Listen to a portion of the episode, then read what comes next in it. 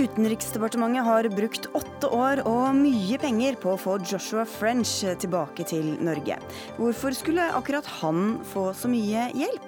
Det er en ekstrem forskjellsbehandling av nordmenn i utlandet, mener advokat. Beskyldningene øker i styrke og mengde mot den amerikanske presidenten. Tror selv republikanerne nå at Putin har betalt penger til Trump? Det kan være bra for norske barn å gå på skole i Somalia hvis foreldrene er med, sier somalisk nettverk. Det er en drøy uttalelse, sier en norsk-somalisk student, som advarer mot å ta med barn til Somalia. Og homofile har aldri hatt en bedre regjering enn den som sitter nå, mener likestillingsministeren. Hun har frekkhetens nådegave, svarer Arbeiderpartiet.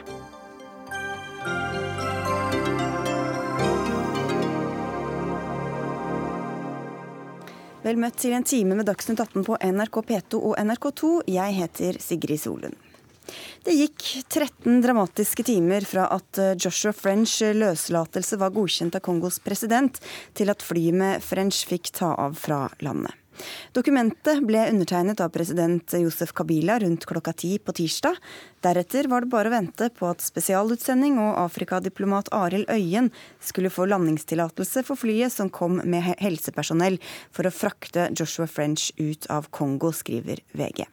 Og i går landet French i Norge etter åtte år i kongolesisk fengsel. Hans Marius Grosvold, du er forsvareren til eh, Joshua French.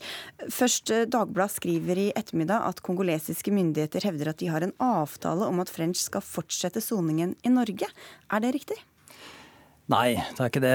Eh, det er feil på flere måter. For det første så er det jo ikke inngått en avtale med, mellom Kongo og Norge her.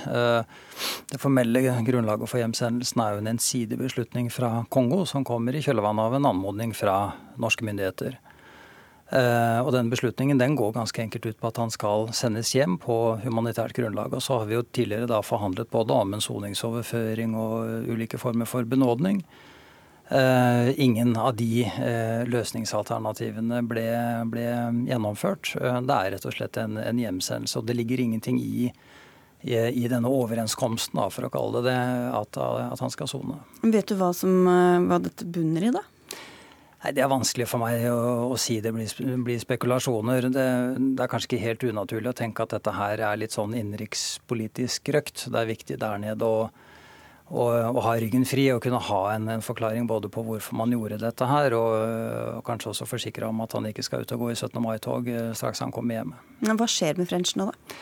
Eh, nå får han det vi har bedt om hele tiden, nemlig helsehjelp. Eh, det har han hatt eh, sterkt behov for lenge, og det, det får han. nå. jeg har fått forsikringer så sent som nå for noen timer siden om at han, han er i de beste ender og får den hjelpen han trenger. Og det, det kommer han til å få i nokså lang tid fremover. Og etter det? Så er det opp til han å bestemme hva han har lyst til å gjøre videre. Men i norsk fengsel skal han i hvert fall ikke Det skal han ikke. Men du, si litt, du nevnte disse timene, for det har jo vært stor usikkerhet hele tiden. Hvordan opplevdes det for deg eh, å, å vente på dette flyet?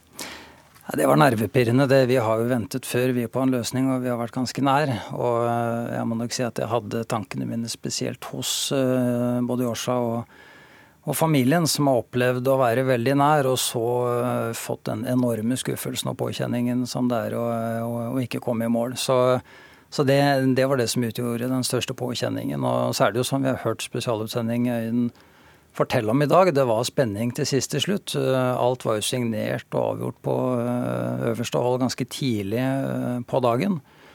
Og så, og, så, og så, møtte man det som vi har møtt så mange ganger før, mer praktiske problemstillinger fra, fra høyt og lavt. Men, men, heldigvis så gikk det veien. Ja. Men trodde du at det kanskje aldri kom til å gå? De, de, siste timene så følte jeg meg etter hvert eh, relativt sikker. Eh, Iallfall i den forstand at det, det, var vanskelig å se hva som, eh, som, skulle komme i veien. Men sikker kan man ikke være. Det, det som nok gjorde at jeg og flere andre hadde en bedre følelse denne gangen, er jo den forankringen som denne løsningen hadde nå. Og der har vi aldri vært uh, før. Nå var det jo bred enighet på kongolesisk side over lang tid om at han skulle hjem. Hva var det som utløste den enigheten da, som førte til en, uh, den beslutningen? Ja, det er vanskelig å si, men uh, det vi har sett da er jo nå de siste fire-fem-seks månedene, så har det nettopp, som jeg sa, etablert seg en, en felles bred enighet Både hos presidenten, men også hos de statsrådene blant annet, som har noe å si her. Og, så har den nok fått lov til å modnet, modnes litt. Eh, og, Parallelt med det så har også norske myndigheter fått etablert en, en, en stadig bedre dialog med dem da om øh, og skal jeg si også det formelle grunnlaget for en, en løsning. Så, så, i lys av det så er det for så vidt ikke overraskende at det skjedde noe, men mm. noen, noen, garanti det, det, hadde vi selvfølgelig ikke. Men French er jo dømt eh, for spionasje, for drapsforsøk, for drap. Hva tror du det gjør med folks rettsoppfatning at han da flys inn hit etter mye møye som en fri, fri mann til Norge? Mm. Ja, det forstår jeg veldig godt, at folk gjør seg noen, noen tanker om det. Men det, det, man må gjøre da, er jo å se på, på hva som har hendt underveis her. Vi har jo rettssaken i, i Kisangani. Som, eh, som, folk jo så eh, hva skal jeg si, hvordan den foregikk. Det var eh, to gutter som ble utsatt for en hel rekke overgrep, både rettslig og humanitært. I, I Kinshasa så konkluderte jo ikke bare Kripos, men til og med også kongolesiske etterforskere med at det ikke hadde skjedd noe kriminelt. og det, det, håper jeg at folk også tar med seg nå som man er hjemme. Så du vil si, at, eller be oss tro at han er uskyldig, er det sånn? Det ber jeg folk om å tro. Eh, og, og eh, igjen, eh, hva skal jeg si, huske på, på hva, hva, man jo har kunnet se på TV så sent som under rettssaken i, i, i Kinshasa. Nå, Du nevnte norske myndigheters involvering. Hvor viktig har den støtten og det engasjementet vært for at det gikk som det gikk i denne saken? Det har vært helt, eh, helt avgjørende. Det, det, har også vært andre ting som, eh, som har vært avgjørende, bl.a. Kari French sin, eh, sin, innsats her. Men norsk UD har, har, bidratt på helt avgjørende vis. De har jo ressurser, bl.a. i form av diplomatiske hva skal jeg si, muskler, som, som vi ikke hadde, hadde, kommet noen vei uten. Men ikke penger? Unnskyld? Penger, har det vært aktuelt? I denne saken, det var jo både statsministeren og utenriksministeren helt klare på i går, at det har ikke vært betalt penger underveis, og heller ikke gitt løfter om, eh, om penger i forbindelse med dette. Så det som har vært utøvd her, og det er eh, diplomati. Enkelt og greit. Og alt dette skulle vi jo veldig gjerne ha spurt eh, utenriksminister Børge Brende om. Han sa først ja til å delta her i Dagsnytt 18 i dag, og så ombestemte han seg et par timer før sending. Og det var heller ingen andre fra UD som kunne delta. Men advokat Arvid Sjødin, du mener at det er en stor forskjellsbehandling når det gjelder hvilke nordmenn som får hjelp av UD, og hvem som ikke får det. Hvordan begrunner du det? Det begrunner jeg med på følgende måte. Det, det at, eh, for det første så tror jeg ikke at et eh, privatfly fra Kongo til Norge er uten å bruke penger. Og det er her ressursene blir satt inn i dette tilfellet, som de ikke blir satt inn ellers i sånne saker. I media så får man stadig høre om folk som er syke, f.eks. i Thailand eller Filippinene som ligger på sykehus somatisk syke, og som ikke er psykisk syke, men somatisk syke, men som blir nektet bistand til å reise hjem til Norge, og der de blir etterlatt for å dø. I de tilfellene så løfter ikke det Utenriksdepartementet en fing for å hjelpe de hjem med ambulansefly eller på annen måte. Og Det har vist seg i gjentatte ganger. Vi hadde en sak fra Nord-Norge hvor familien samlet inn penger på Facebook for å få det til. For kort tid siden var det en fra Vestfold som var trafikkskada i en mopedulykke i Thailand, som ble sendt hjem på samme måte.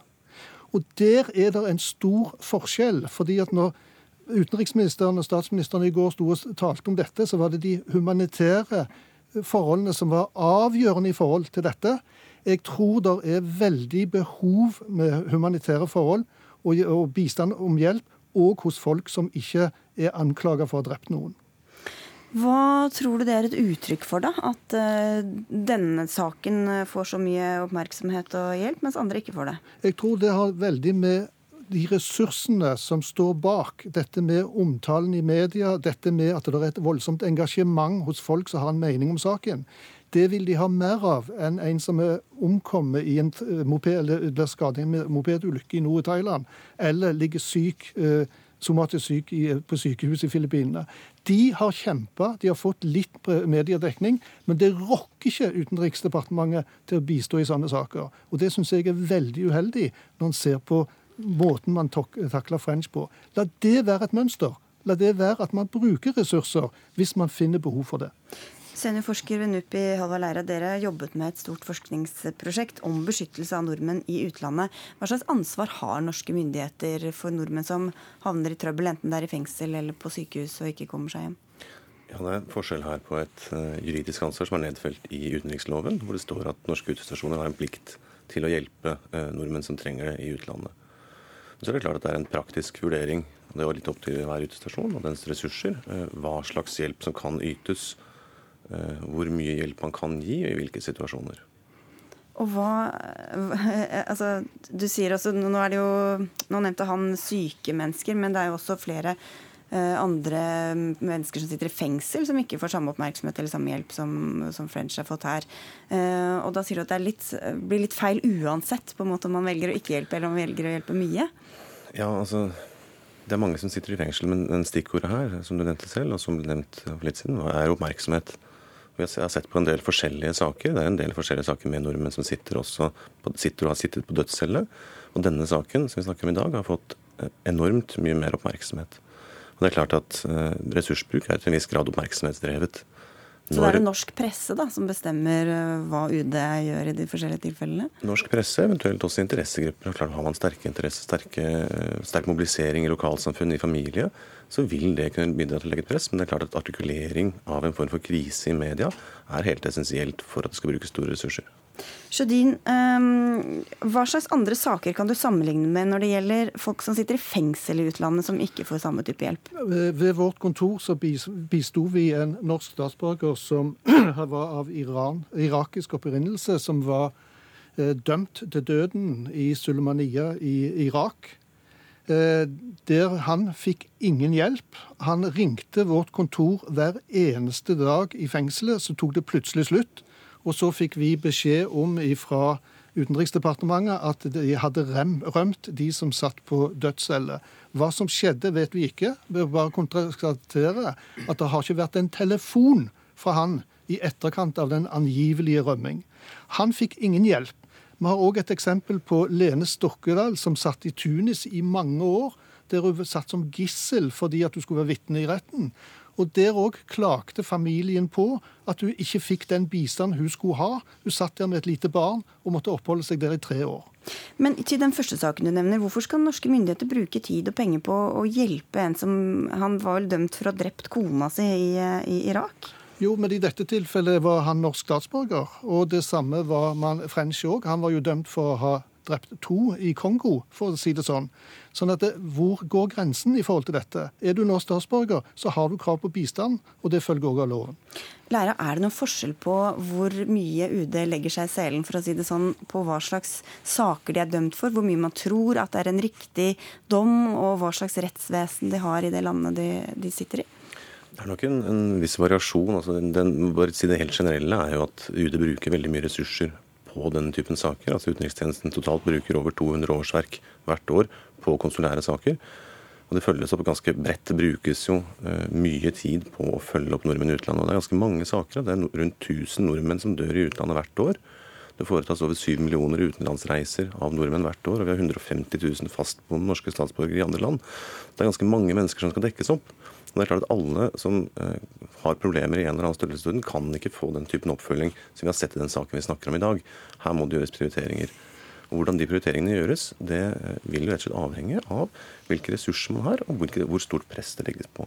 Ja, hvor realistisk er det å bruke så mye penger og ressurser på alle som havner i problemer, Sjødin? Nei, jeg ser problemstillingen. Men det som er poenget, er at eh, når det gjelder syke personer som er i, bosatt i Thailand og i Filippinene, som gjerne har sett feil på forsikringspremien sin, så mener jeg at de må ha like store krav til å få hjelp. Og det skal ikke overlates til familien som andre. Men skal vi bare reise rundt uten å ta ansvar for vår egen uh, sikkerhet og, og, mulighet til å komme oss hjem? I likhet med i alle andre saker, så har staten en regressmulighet i sånne situasjoner, og kan kreve dekket det hvis det er uaktsomhet inne i bildet. Så det tror jeg ikke er noe poeng i det hele tatt. Spørsmålet er om man skal bruke samme humanitære tankegang som man gjorde overfor French, eh, på andre personer. Og Det tror jeg ikke skal avgjøres ut fra en populær situasjon. Hva, hva forventer vi nordmenn å få av hjelp da, Leira? Generelt sett så forventer vi jo veldig, veldig mye. Uh, man snakker noen ganger om at nordmenn forventer at man kan ha med seg en oppblåsbar velferdsstat.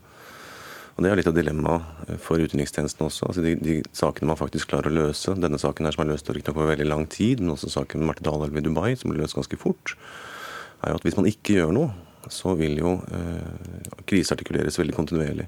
Saker som får mye oppmerksomhet i media, hvor det, hvor det, oppleves at utenrikstjenesten ikke yter nok, vil føre til krise. Det Kroneksempler på det, og det som er baseline for all diskusjonen her, er jo tsunamihåndteringen i 2004. Det kan man ikke risikere. På den annen side så er det at i det øyeblikket man driver med vellykket krisehåndtering, i det øyeblikket man klarer å få ut eh, mange flere nordmenn enn det man trodde var i Libanon i 2006, evakuering, ja, så skaper man jo forventning om at mm. utenrikstjenesten vil stille opp. At uh, Børge Brende vil ta på seg supermanndrakten sin og fly og hente når noe går galt. Altså, det er en veldig veldig høy forventning i den norske befolkningen om hva slags hjelp som man kan få. Uh, mye høyere enn i mange andre land. Men den norske staten har jo også vært gitt hjelp i mye større grad enn mange andre stater. Mm. Sjødin, eh, kollegaen din Brynja Meling han reagerte på denne saken, altså på French-saken, og skrev på Facebook i dag tidlig jeg klarer ikke å fri meg fra tanken om at den hvite huden til French har hjulpet ham betydelig. Er, er det en vurdering du er enig i? Jeg er enig i den forstand at eh, når man ser på den irakiske borgeren, så var han en såkalt B-norsk statsborger fordi han hadde fått eh, statsborgerskap i, i siste instans mens han var i Norge. Og, og, han fikk en helt annen behandling enn det French gjorde. Og resultatet av det vet vi ikke. Vi vet bare at vi har ikke oppnådd kontakt med han etter irakiske myndigheter så han hadde flykta. Grosvold, tror du at det har hatt noe å si for hvordan French har blitt behandlet? Nei, det tror jeg ikke. Jeg tror hans hudfarge like mye har vært en belastning for han som, eh, som en fordel. Uh, utover det så opplever jeg vel dette her som en diskusjon nettopp mellom Sjødin og uh, Utenriksdepartementet og for så vidt også Fylkesmannen, som jo noen ganger støtter den jobben som, som vi gjør. Jeg skal ikke sitte her og argumentere mot støtte til andre norske borgere i saker. Jeg er jo helt enig med Sjødin at det er mange der ute med et, med et sterkt behov for, for, hjelp. Og så vil jeg påpeke samtidig at denne saken her er helt spesiell og eksepsjonell. Mm. I denne saken så ble også Norge anklaget for å ha sendt Moland og French for å spionere på Kongo. og Kongo fremmet et krav om 500 milliarder dollar i erstatning. Hvordan kan andre stater forsøke å utnytte også at de har eh, fengslet f.eks. av en person fra et velstående land som Norge? Lære. Mulighetene for å utnytte det er jo noe nesten grenseløse. På den annen side så blir det veldig tydelig også i denne saken at det, jo, det spiller ingen rolle. Altså, det, det, er ikke realistisk, det, det kravene som som ble fremmet, hadde ikke noen funksjon utover det, naturligvis, at det skapte kontinuerlig oppmerksomhet omkring saken. Og til slutt, her, eh, Rett før sending kom det melding om at det nå blir laget film om denne saken. Grosvold, er det noe French og du eventuelt også bidrar til? Eh, ikke bidrar til, utover at French jo selvfølgelig eh, spiller en rolle indirekte i, i, filmen. Dette er et prosjekt som har for så vidt knakka og gått også lenge før jeg kom inn i inn i saken og har for så vidt ikke noe med, med, denne løsningen å gjøre. Men det kommer vel opplysninger om den nå, litt pga. det som har skjedd. Vi regner med det. Takk skal dere ha, i hvert fall alle tre. Hans Marius Grosvold Børge Brende kom ikke, nei. Han bare sto på manuset her. Halvard Leira og Arvid Sjødin, takk skal dere ha.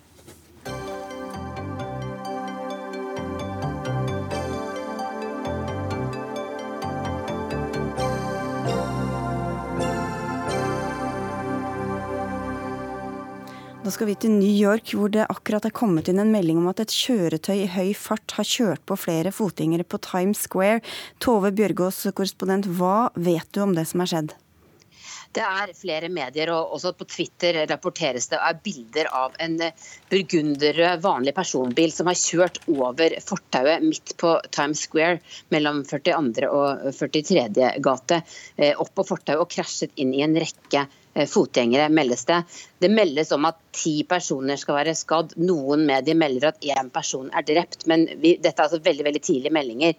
Vi vet ingenting, men det er eh, livebilder nå her av en, en bil der brannfolk uh, slukker brann i denne bilen. Uh, og uh, hele Times Square er da evakuert. Og det er også mange som melder om at bygninger i nærheten er, er, er altså sikret, er, er låst og ingen slipper inn eller ut. Du følger med Tove Bjørgaas, og nrk.no oppdateres også etter hvert som vi får vite mer om det som er skjedd. Takk skal du ha for at du var med.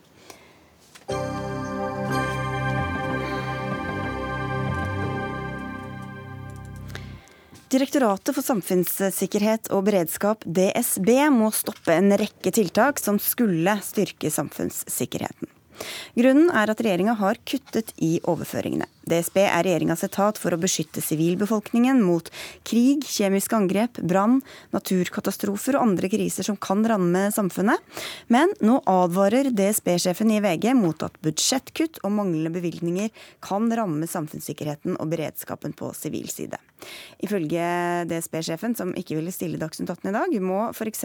planlagte øvelser for nødetatene avlyses eller krympes. Det mangler penger til å styrke Sivilforsvaret.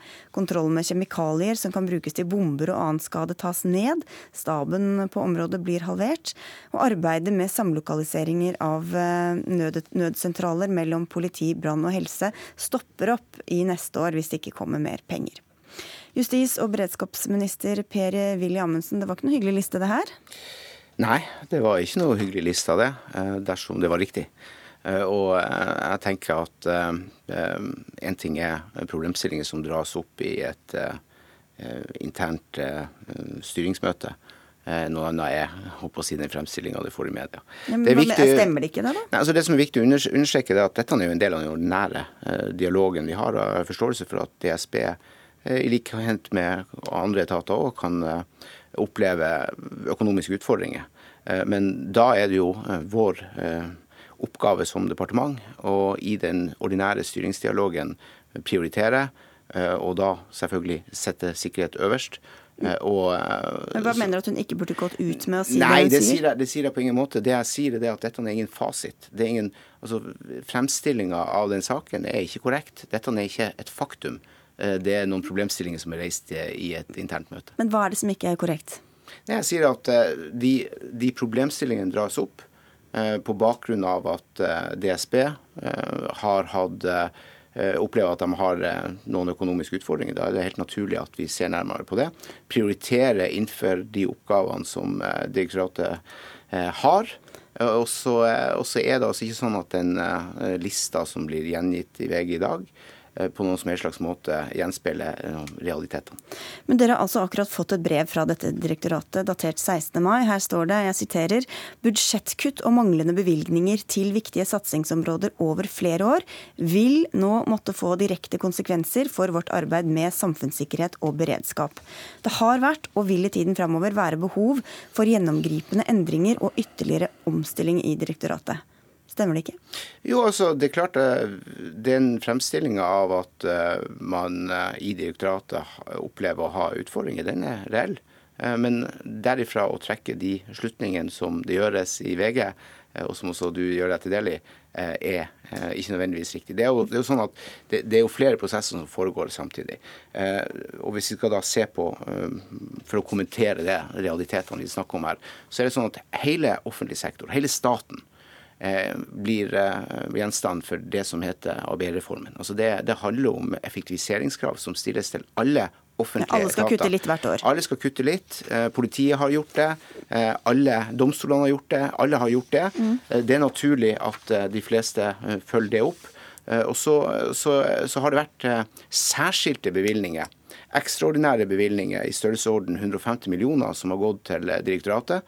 Eh, og som, eh, og som, selvfølgelig også da, når eh, prosjektet avsluttes, tas ned. Og, da, og Når man da ser disse tingene i sammenheng, så er bildet noe annerledes. Så kan jeg bare si med en gang f.eks. den fremstillinga av at brannskolen på noen som helst slags måte skal bli skadelidende, er ikke riktig. Brannskolen vil få sine penger. Eh, det er bevilga opp eh, det som har blitt bedt om i 2017-budsjettet. Og så er det selvfølgelig sånn at 2018-budsjettet det kommer jo tilbake til når ja. statsbudsjettet legges frem. Men så vidt jeg, sånn, hvis jeg skjønner deg riktig, så sier du at hun må ikke kutte i akkurat det hun har sagt at hun skal kutte i. De kan kutte i andre ting i stedet for, men kuttes må det? Nei, altså Det er jo ikke nødvendigvis sånn at kuttene er i den størrelsesorden du snakker om. Det er heller ikke sånn at eh, kuttene er på de områdene du snakker om. Dette er helt eh, ordinær dialog som vi har eh, med direktoratet, ja. Jeg forstår ikke at direktoratet oppfatter at de står i en utfordrende situasjon. Mm. Men da må man altså se nærmere på prioriteringer og prioritere det som er viktigst. Og så er det altså ikke noe ekstraordinær situasjon som Eh, direktoratet her er i. Det er en situasjon som gjelder for eh, alle deler av staten. Vi får høre om du er enig i det, Kari Henriksen. Du er stortingsrepresentant og medlem av justiskomiteen for Arbeiderpartiet. Er du overrasket over at dette kommer nå? Eh, jeg syns eh, dette er en alvorlig bekymringsmelding fra direktøren for Direktorat for samfunnssikkerhet og beredskap. Og Noe av det alvorligste det er at den styrkinga på 45 millioner eh, som Stoltenberg-regjeringa gjorde i 2013, den er nå mer enn borte. Og Høyre- og Fremskrittsparti-regjeringa har på de siste tre årene altså kutta ca. 55 millioner i dette direktoratet. Arbeiderpartiet mener dette er svært bekymringsfullt. Og jeg er spesielt redd for at eh, disse mm, varsla kuttene da vil ramme sivilforsvarsoppgaver, brannberedskap og ikke minst mulighetene til å øve, og øve mer sammen. Jeg har møtt mange frivillige som er delaktige i beredskap. Og det de sier er at vi må øve mer, og vi må øve mer sammen. Og nå får altså denne regjeringa eh, den økonomiske politikken som den regjeringa fører, den får nå den konsekvens at det ikke blir mer øving, men det blir mindre øving. Og ansvaret her ligger på regjeringa. Men, men, jeg må bare høre med deg, Amundsen, fordi ja. at uh, du hvem er det som har slått fast at det blir mindre øving? Nei, men Få høre med deg. Da. Hvordan, altså, du sier at noe må kuttes. Eh, hva skal, og noe må nedprioriteres. Nei, noe må altså, nedprioriteres. Hva skal nedprioriteres? Direktoratet har mange oppgaver. Og jeg er veldig opptatt av at vi skal ivareta beredskapsfeltet. At vi skal ivareta sikkerhet. Så er det sånn at vi har interne, ordinære prosesser som vi har med alle underliggende virksomheter, så også i dette tilfellet.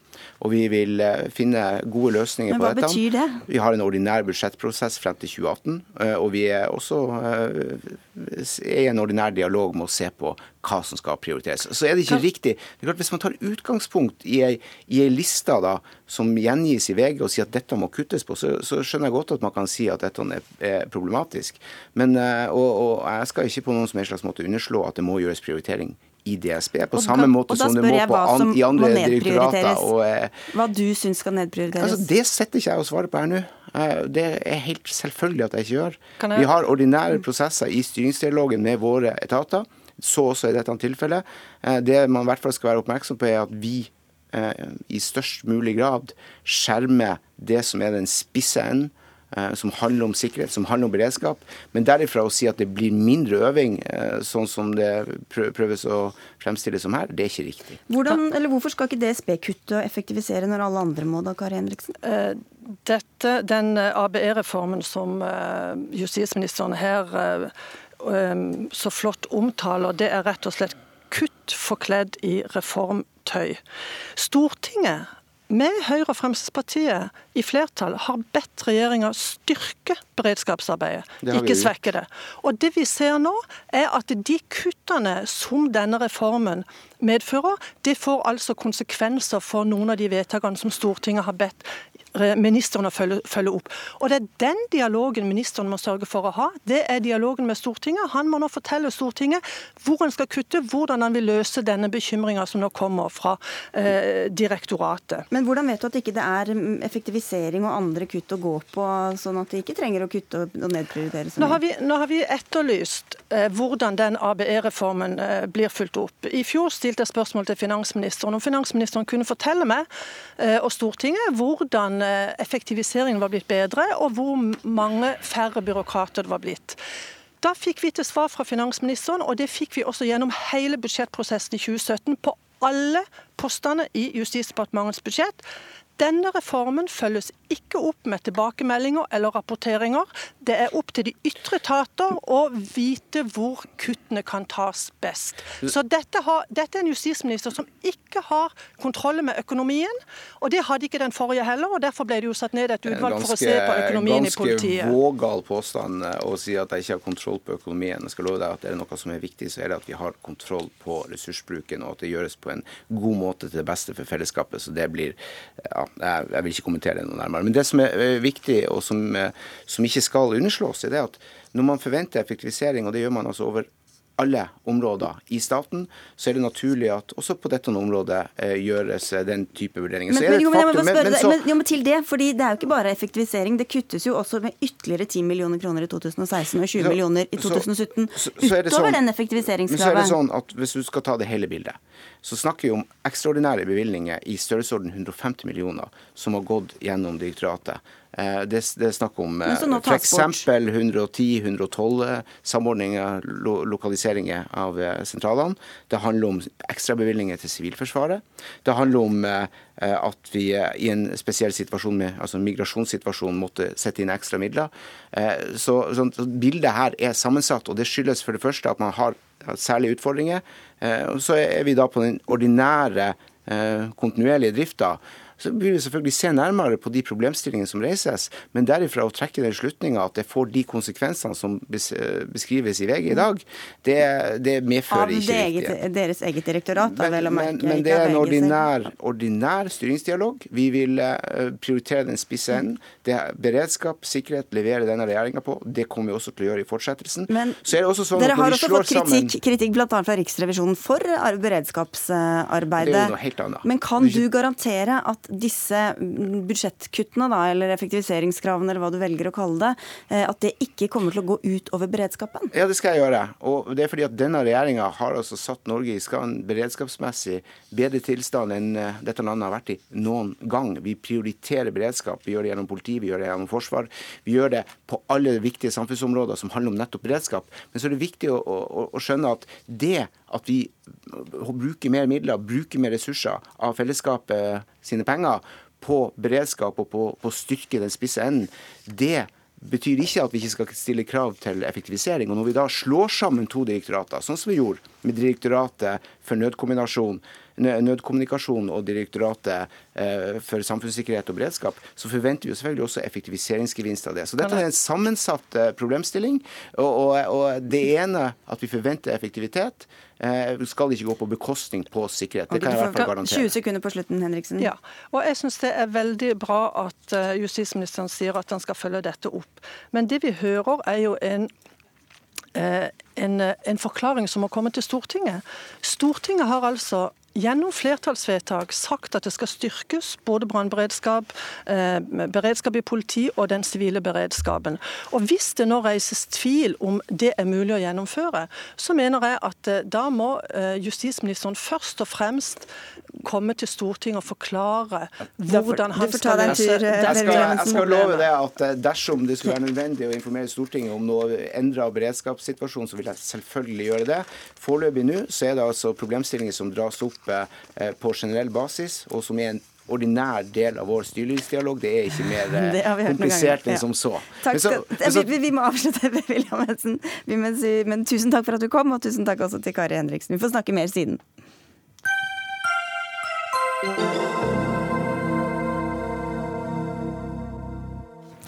det greit å sende norske barn til Somalia for å gå på skole der? I helga fortalte NRK at norske barn og unge ber om hjelp fra Røde Kors og den norske ambassaden for å komme seg bort fra skoler i Somalia. Dit blir de sendt av foreldrene sine for å lære mer om islam og somalisk kultur. I den forbindelse sa lederen av somalisk nettverk, Bashe Musse, at han fraråder å sende barn på skole i Somalia hvis foreldrene selv ikke er med, men at slike opphold kan fungere bra hvis foreldre og barn reiser dit sammen. Og dette reagerer du på, eh, Shurika Hansen, i et innlegg på NRK eh, Ytring i dag. Skriver at det er å bagatellisere problemet. Hvorfor er det det? Det stemmer. For jeg tenker at um, Han sa jo at det ikke var greit å sende til koranskole, men heller sende til vanlig skole. Og det som er greia, er at eh, både koranskole og vanlig skole i Somalia er sterkt preget av religion.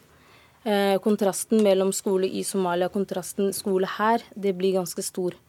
Eh, de barna som blir sendt ned der, det er barn som enten jenter som blir for vestlige, eller gutter som enten begynner med rus eller ja, slike ting, da, som det også sto i de andre artiklene. Eh, og det jeg tenker på da, er at det er barn som trenger å få hjelp her i Norge. Det er barn som trenger tilhørigheten her i Norge. Det er ikke barn som skal sendes nedi der for å på en måte Ja. Du har gått på skole i Somalia selv? Jeg har gått litt grann skole i Somalia. Jeg vet hvordan skolen i Somalia fungerer. Og jeg blir litt sånn provosert når han sier at det er greit så lenge foreldrene er med. Mm. Fordi foreldrene kommer ikke til å sitte der med barna hele tiden. Hva er det som skjer på skolene, som, ikke på disse koranskolene vi har snakket om, men på de andre skolene? som ikke det er, er vold. Altså, vold er en veldig måte for opplæring, og det skjer mm. på koranskoler og vanlige skoler. Barsomose, Mosse, du er leder av Somalisk nettverk og var den som ble sitert her. Altså, du tar jo avstand fra vold og fra disse voldelige koranskolene, men sier at det kan være bra å reise sammen til Somalia for å gå på skole der. Hvorfor skal norske barn gå på skole i Somalia? Jeg tror det er veldig viktig å understreke først og fremst jeg og, jeg og Shukri. Vi har ikke noen sånn stor eh, motsetninger. Jeg er jo sterk imot at man skal jo sende i det hele tatt norske barn tilbake til Somalia, et land som de kjenner og ikke har noe forhold til. Det er jo veldig viktig å understreke. Derimot så er det veldig viktig å feie litt bort med disse forvirringene, såkalte koranskole, og så hører vi kulturrehabilitering. Dette med koranskole kan jo Somalia sammenlignes som en søndagsskole i Norge. Og Da er det barn som går konkurranseskole og lærer Koranen. Og så har du andre skoler i Somalia som har helt normale skoler, som lærer alle fag. Matematikk, eh, naturfag og alle de andre fag. Men da har du religion som et fag. Og Derfor er det kjempeviktig å understreke liksom at barn skal jo være her, men det foreldre må få lov til å reise tilbake til hjemlandet sitt. Og dette med bare kulturrehabilitering, det reagerer jeg veldig sterkt. Hva betyr kulturrehabilitering? Det er egentlig ganske feil, fordi kulturrehabilitering rehabilitering er noe som skal repareres, men rehabilitering det er egentlig et ord som ikke passer. Men jeg vil gjerne kalle det liksom at man møter, møter med et kultur. Kultur er ikke statisk, men det er dynamisk. Så derfor er det ikke noe sånn reparasjon her. men møter med kulturen. Eh, men så det er veldig viktig å se. Og så har vi veldig mange somaliske bakgrunn som har flyttet tilbake til Somalia. Og på en måte jobber da for FN og andre som har, også det andre gruppen som oppholder seg i Somalia. Men deres barn går på normalskole. Mm. Det er der jeg mener med å gjøre dette til noe ufarlig. Det er jo ikke sant at eh, alle drar dit for å jobbe og alt det. Og når han da sier at de drar ikke dit for at de, de, skal rehabiliteres. Hallo, det er jo Vesten de rømmer fra. Altså, det er jo de vestlige verdiene de rømmer fra. Det er det der å være fri. Det er jo det der å liksom altså, De er jo der for å få en annen. De skal vaske ut den vestlige levemåten. Altså, hvordan ellers sender de sine barn ned dit da? Ja, det skal vaskes. Rett, rett, og slett, ikke sant. I hvert fall, Det er jo veldig viktig å tenke på liksom, Når snakker vi om integrering og samfunnsdeltakelse. Jeg er ikke noen psykolog og vet ikke hva som skal vaskes og hva som skal indoktrineres. Det vil jeg, ut, vil jeg ikke uttale meg om. Men integrering og samfunnsdeltakelse og inkludering er kjempeviktig i Norge. Og vi har jo en rapport som har kommet da 2014 eh, fra Institutt for samfunnsforskning som peker på at eh, det var 6000 elever som hadde langtidsopphold i, i ulike land. blant annet Somalia, 30 var somaliere. De hadde det greit, men de fraråder ikke. Men, men hva, hvorfor skal norske barn i det hele tatt være i Somalia, gå på skole der, istedenfor å bare bli integrert og være norske i det, Norge? Det vil jo alle sammen, og det er sterke, mm. vi har jo sterke fraråder, av foreldre. Men når de sier, og jeg tar det veldig alvorlig, når man sier en av de ti somaliske barna sendes tilbake til Somalia. Og det er derfor vi vet ikke, vi må jo kartlegge på en måte hva som skjer. Men du tror ikke at det gjøres fordi at de er blitt for vestlige eller for norske? Eller... Det kan være en av de årsakene, men det vi vet også, nå har vi blitt en del av det norske samfunnet. Vi er opptatt av norske verdier. Vi er norske somaliere. Det er kjempeviktig å dele, ha både identiteten, norske somaliske identiteten ivareta. Så derfor er det greit å møte dem med foreldre, med besteforeldre, vedlikeholde kulturen, ta de positive mm. elementer fra det somaliske og det norske. Og det er det som er integrering. Men jeg forstår ikke liksom integrering når slik slik Shukri beskriver, så er jo for henne den norske kulturen Det er jo assimilering hun debatterer her. Nei, det er ikke det jeg beskriver. Når jeg sier integrering, så er det at et barn som har vokst opp i Norge, skal få lov til å gjøre det andre norske barn gjør. Eh, og her igjen så snakker vi om at når de blir sendt tilbake, så er det fordi de skal ha det hyggelig og de skal være med familie, og det er ikke det som skjer. Vi så i den rapporten hvordan jentene ble lenka fast. Vi har sett mye av det der. Det har blitt bekreftet. En skole har blitt stengt. En har blitt eh, arrestert. Men det er noen tilfeller. Hvordan vet du at det er veldig utbredt? Eh, det vet ikke jeg at det er utbredt, men mm. så lenge det skjer, så syns jeg at det blir som en gamle noens liv å sende de ned der. Det syns jeg. Å si at det vanlige, og det som jeg sa i stad, at en somalisk skole er sterkt preget av religion. Hele Somalia er sterkt preget av religion. Jeg så en id-feiring som jeg syntes så veldig hyggelig ut, til jeg så fire-femåringer med lange nikab. Og da mener jeg de var helt tildekt. Skal vi sende norske femåringer ned der for å dekke seg til? Jeg tror vi må ikke blande sammen i forhold til den hijab-debatten og den andre. Det som er veldig viktig, Jeg vet at de aller fleste somaliske barn, foreldre I hvert fall De er veldig opptatt av barnas utdanning. Det også underbygges av forskning. Somaliske mødre er en av de flinkeste som på en måte da inspirerer og er sammen med sine barn. Så er det få tilfellene som skjer da i, i Somalia. Disse tilfellene, skjebnene, vil vi ikke ha dem. Jeg skal bare konkludere faktisk det vi er veldig optimistiske, fordi nå har vi fått da norske somalier som er statsminister i Somalia. Vi har den kontakten. Han har gått på mm. Universitetet i Oslo. Også utdanningsministeren også er norske somalier. Men, men, vet du at det de barna lærer å oppleve på disse skolene i Somalia, ja. helt vanlige skoler, at det på måte stemmer overens med de verdiene vi ønsker i det norske samfunnet å, å, å gi de barna? Helt riktig. Det er jo veldig viktig, fordi at vi har jo kommet til Norge. og norske samfunnet, Jeg er jo bystyrerepresentant og har ansvar for mer enn 7000 mennesker i Norge, liksom i Oslo, byen vår. Men det som er viktig for oss, det er å på en måte komme, ta ut beste av den somaliske kulturen. Og liksom lære våre barn våre verdier, somaliske verdier, norske verdier og universelle verdier. Men kan det være krasj mellom de verdiene vi ønsker å gi dem, og det de lærer på de skolene i Somalia? Og, og, det, er akkurat det, fordi at det er veldig mange Kanskje av de, noen av de foreldrene også er med. Det er jo flere, flere foreldre som ikke klarer å kanskje oppdra ha de barna. De har store utfordringer med kriminalitet. Derfor kanskje liksom norske myndigheter må jo hjelpe dem til å bli en del av norsk samfunnet. Vi må avslutte straks, Hansen, men kan du, kan du, se for deg at norske barn også reiser dit med gode verdier som de lærer videre også til, til eh, medelever? Og ja? Ja, det tror jeg. Jeg har jo snakket med en jente som hadde en veldig positiv opplevelse der nede. Så det er ikke bare svart og hvitt. Det er ikke sånn at alle somaliske mødre og fedre er onde og sender barna sine der. Men jeg syns det er veldig skummelt at vi faktisk skal sitte her og late som at dette faktisk ikke skjer. Det skjer vold, det skjer terror. Barn blir banket, barn blir lenket fast til stoler. Det har vi sett bevis på. Og så skal vi sitte her og si de lærer somaliske verdier. De lærer. Det er stor forskjell på de verdiene de lærer der nede, og det er stor forskjell på de verdiene vi har her nede her oppe. Og det er nettopp det jeg faktisk mener. Da, på en måte, Den enkelte tilfellet må vi undersøke. Jeg vet at politiet er med. Og på en måte terrorpolitiet i det, som, Somalia var også med. Dette etterforskes. Også det er veldig viktig. Dette skal vi ikke akseptere. Mm. Da er dere i hvert fall enige om det. Vi får si tusen takk til begge to for at dere kom til Dagsnytt 18. Shurika Hansen, som altså kan leses kronikka på NRK Ytring, og Barse Musse, som er leder i Somalisk nettverk.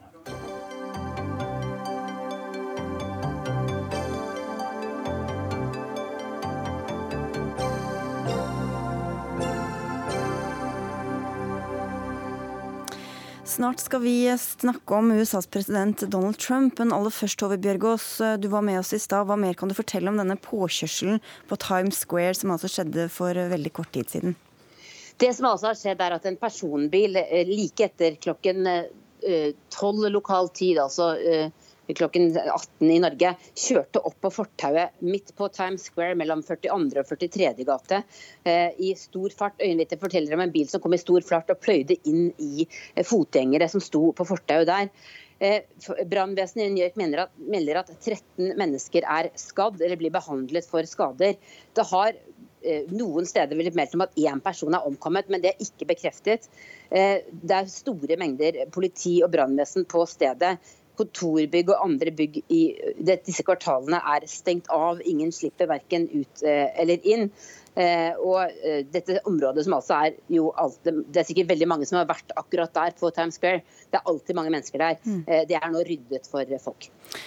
Vi får holde oss oppdatert både i radio- og TV-sendinger og på nettet, fordi du følger med utover kvelden. Nå skal vi også til det vi egentlig skulle snakke om. I rise today, Mr. Speaker, to call for the impeachment of the President of the United States of America for obstruction of justice. Disse, disse, ordene tilhører den demokratiske politikeren Al Green og ble uttalt i Representantenes hus i går. Han vil altså at president Trump skal stilles for riksrett. Også enkelte republikanske politikere snakker nå om riksrett mot den amerikanske presidenten. Samtidig har det amerikanske justisdepartementet utnevnt en spesialetterforsker som skal granske den mulige russiske innblandingen i presidentvalget. Halvard Notaker, du er historiker og forfatter av boka 'Amerikansk valgkamp'. Hvordan vil du oppsummere de siste dagers hendelser i Washington? Det er jo noe hver kveld som sikkert alle som sjekker telefonen sin for seint før de legger seg oppdager. Og så er det på en måte en, en, ny sak, så vi får se klokka halv tolv i kveld.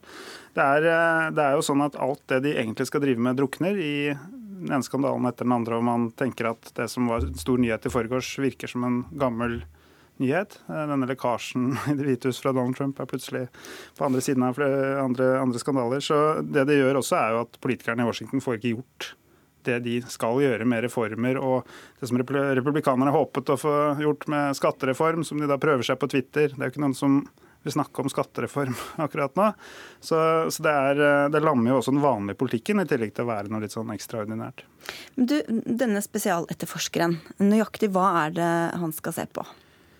Han skal da tre inn i den etterforskningen som fins. Eh, og så har han et mandat hvor det står at han skal, eh, han skal etterforske Russlands eh, påvirkning eller innblanding i amerikansk politikk før valget. Men han skal også følge spor eller saker som, som relaterer seg til det på en eller annen måte, og også da eventuelle forsøk på å påvirke etterforskningen selv. Så han skal på en måte etterforske, og så skal han også ha lov til og en forventning om å etterforske altså å beskytte etterforskningen sin. Og Der er det jo da det blir interessant, da, ikke sant? om mm. han Uh, hvor langt han beveger seg inn uh, i uh, de tingene som har dukket opp de siste dagene. Så Det er der de kommer inn som påvirkning på hans egentlige formål, som er å, å etterforske Russland og valget som sånn overskrift. Da. Og Det som er helt vesentlig, er jo at dette er en uavhengig granskning.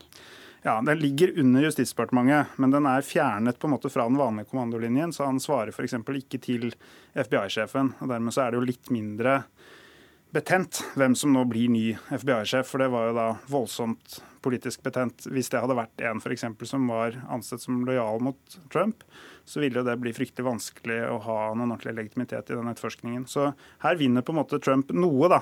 Han kan, han kan utnevne denne nye FBI-sjefen litt mer ro og mak, fordi det ikke er en direkte påvirkning av etterforskningen, uh, muligens av han selv. Det har jo vært eh, masse kritikk mot Trump eh, hele veien. Hva er det som har skjedd som gjør at som, Det var vel visejustisministeren som nedsatte denne granskningen, som, som, gjorde, som førte opp til at det faktisk skjedde? Det handler om uh, i hvilken grad det er eh, noen i den vanlige kommandolinjen som er uhildet, eller som kan på en måte forstås som eh, selvstendig nok eh, til å opptre som påtalemakt. Så Vanligvis er det sant, På engelsk så heter det vi kaller justisministeren attorney general, og det er på en måte en slags eh, riksadvokat. Og eh, Grunnen til at det er visejustisministeren, er jo at den vanlige justisministeren har sagt seg inhabil i disse sakene. Eh, fordi han selv har hatt møter med den russiske ambassadøren bl.a. uten at han husket å si det da han var i Kongressen.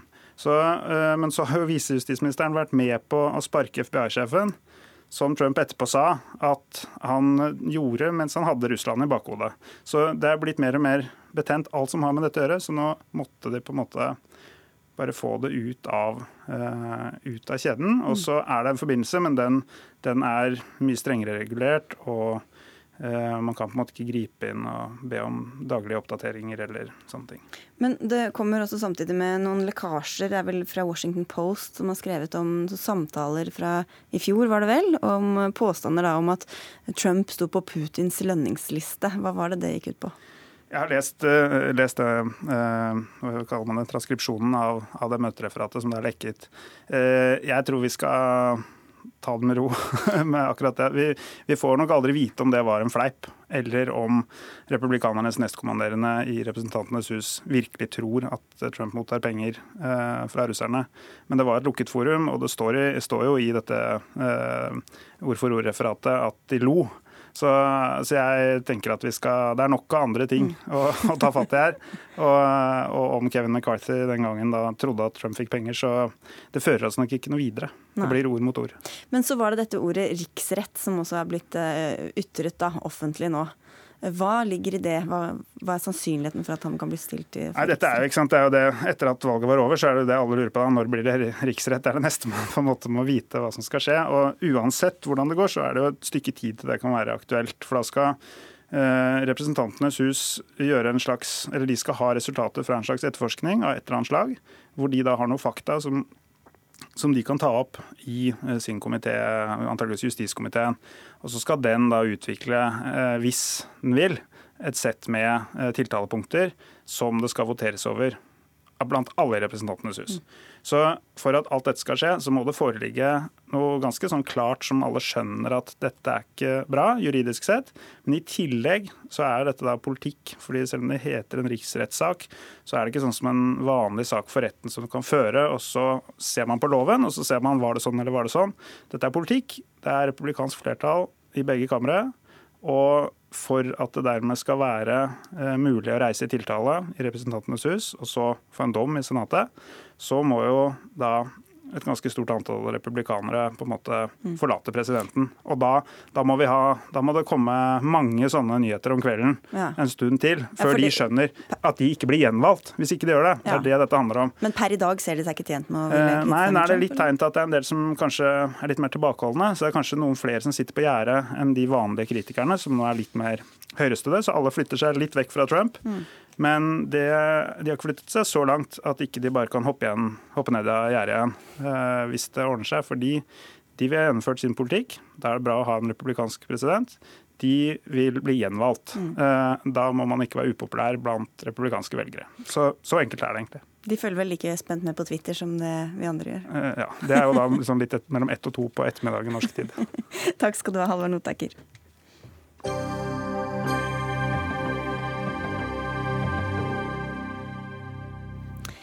Dagens regjering er den beste Norge noen gang har hatt for homofile og andre LHBTI-personer. For alle som ikke vet det, er disse bokstavene en samlebetegnelse for lesbiske, homofile, transpersoner og interseksuelle.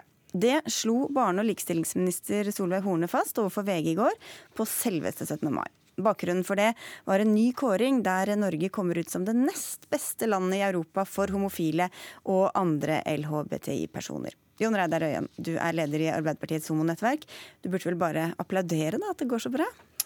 Det er jo bra at ting går bra, men det er jo den setninga om at eh, det aldri har vært en bedre regjering for LHBT-personer i Norge som er helt grenseløs, historieløs, som er pinlig og respektløs for alle som har gått foran meg, da, som har jobba fram de rettighetene vi har i dag. Fordi man skal ikke lenger tilbake enn til 1972 på avkriminaliseringa av homoseksualitet. På 1992 med partnerskapsloven og 2008 med ekteskapslov, adopsjonsprøvingsrett og assistert befruktning. Og da blir det på en måte noe sånn hult over det. Fordi det å da liksom eh, få muligheten til å endre eh, kjønn eh, juridisk uten en operasjon, det er bra. Som gjør at man Ja, For det er det som var begrunnelsen fra er, Solveig Horne for at dette var ja, ja, men med all respekt å melde så er vi ikke i mål med LHBT-kampen ennå i dag. Og det jeg syns blir litt sånn hult, er at hver gang Solveig Horne går ut av talepunktene sine, så går det gærent. Vi så det i den derre Ut av skapet-serien på NRK. Vi har en likestillingsminister i Norge som sa i oktober at det må være opp til foreldre foreldre selv å bestemme når barna deres skal lære å eksponeres for homofili. I tillegg så er eh, Horne og uh, Høyre en del av en regjering hvor du har statsråder som oppfører seg som enkeltmannsforetak. Sylvi Listhaug på Oslo Sympositum står på talerstolen og tar avstand fra uh, homofiles rettigheter.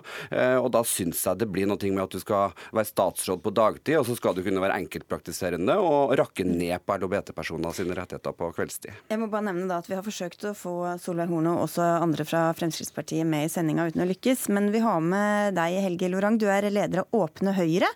Du sier at Øyan fordreier virkeligheten og tegner et ensidig bilde her? Ja, fordi la meg først si at dette er en veldig gledelig dag. Eh, og det er en veldig gledelig kåring vi, vi har sett. Og det er en veldig positiv utvikling med mange fremskritt som, som gjør at Norge nå ligger som nest beste LHBT-land i Europa. Men jeg mener Jon Reidar i dag i kronikken sin i VG fordreier hele historien fordi han bare plukker ut noen punkter som passer inn i hans partihistorie. Eh, vi vet at eh, selvfølgelig dette som han var inne på med, med avkriminaliseringen i 72 var ett viktig punkt.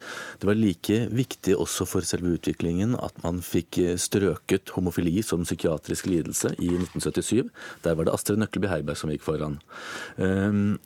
Vi gjorde også et stort steg fremover i 1983, da Norge som første land i verden, under Willoch-regjeringen, innførte kjønnsnøytrale samboerregler. Det var de første i, i, verden i sitt slag.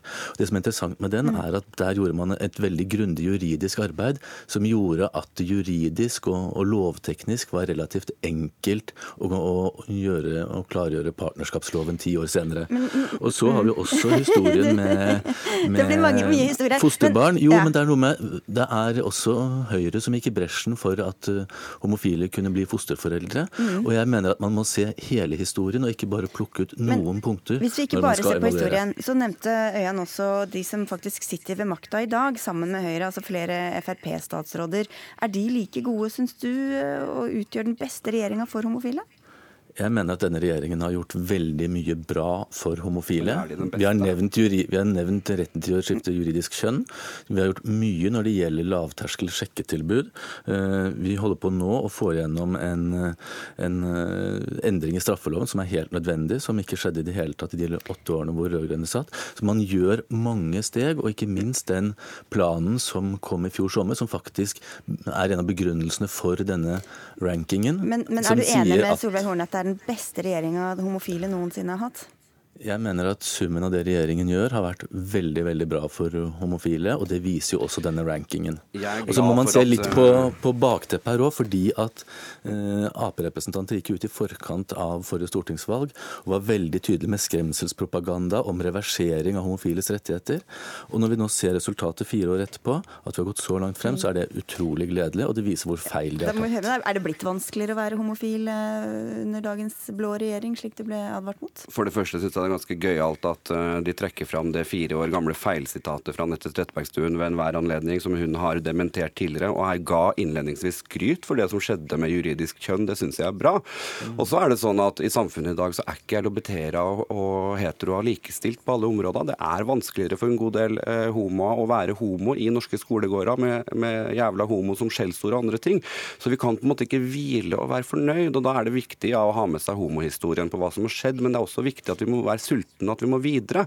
Og Da er det viktig for meg å ta tak i den handlingsplanen som Solveig Horne fremma, fordi et entydig tilbakemelding fra organisasjonene, FRI, Skeiv Ungdom, Skeiv Verden, de slakta den handlingsplanen fordi de syntes at den var for vag, den var for lite konkret, den hadde for lite penger til å følge opp de tiltakene som eh, skal følges opp. Eh, og den går ikke langt nok på en del områder. Hvorfor Lorangs kommentar til det, da? Nei, jeg mener at den planen som kom i fjor, den var omfattende. Den hadde 43 konkrete punkter, med mm. også mye med oppfølgingsansvar. Og den er jo også ikke enig i kritikken fra disse gruppene? Da vil jeg komme med et eksempel. Det er interessant også at IGLAB trekker frem akkurat den planen som en av grunnene til at man har rykket fremover. Så jeg er helt enig med Jon Reidar Øyan i at vi har en lang vei å gå på en rekke områder. Eh, noe av det er adressert i den planen. I en konkret utfordring, Helge. Så I tillegg så må vi jobbe med, med, med kunnskap. Jo, men jeg vil ta ett konkret eksempel eksempel på denne konkrete handlingsplanen. Du sier at den er konkret og 43 konkrete punkter. Det er ikke sant. Hvorfor da på hatkriminalitet f.eks. har dere ikke Dere sier i handlingsplanen at dere skal utrede eh, hvorvidt transpersoner skal få beskyttelse mot hatkriminalitet. Er det ikke sånn at Høyre også kan være enig i at hvis du blir slått ned for den du er, så skal du beskyttes av hatkriminalitetsregelverket? Da er det vel ingenting å utrede. Da må det inn i lovverket, og så må vi få tatt de som banker transpersoner. Og Det er jeg helt enig med deg, og det har vi faktisk tatt opp med, med, Justisdepartementet nå i våres. Eh, fordi vi mener at den kan man ganske enkelt Man trenger ikke noe lovendring for det. Dette kan du enkelt, som du er inne på, gjøre uten større lovendringer. Og det mener jeg vi burde få på plass rimelig raskt. Men hvorfor er det ikke tydeligere på at det er flere konkretiseringspunkter? Fordi det er ting på skole, skjellsord, hets i idretten, homofobi på arbeidsplassen som er vage, runde formuleringer. Jeg skulle ha ønska at man hadde hatt litt guts til å gå videre, fordi man trenger på en måte en offensiv passivitet på dette punktet. Også når det kommer til Tsjetsjenia og asyl, så kunne dere ha tatt mer harde grep for å sørge for at Norge kan ta en større Men, andel av de som går. er derfra. Du får 20 sekunder på slutten her, Lorang. Når det gjelder Tsjetsjenia og utenriks, så tror jeg vi står veldig sammen. og Det tror jeg er viktig at vi gjør, fordi der kan Norge faktisk gjøre en forskjell. Og jeg ser Norge og den sosialdemokratiske regjeringen i Sverige har kjørt en akkurat samme linje, akkurat samme tiltak som overfor Tsjetsjenia. Den som skal ha størst ære der, det er jo faktisk min partivenninne Angela Merkel i Tyskland, som har tatt opp dette direkte med Putin. Dere må være mer konkrete i framtida, så vi kommer oss videre på dette området. For dette, her har vi ingen tid å miste, Lorang. Vi får si tusen takk til dere, Jon Reidar Øyan og Helge Lorang, eller Jon Reidar og Helge, som dere ble hettende her, eh, og takke for oss i Dagsnytt 18. Det var Dag Dørum som var ansvarlig for sendinga. Teknisk ansvarlig Finn Lie, og jeg heter Sigrid Solund og ønsker en fin kveld videre.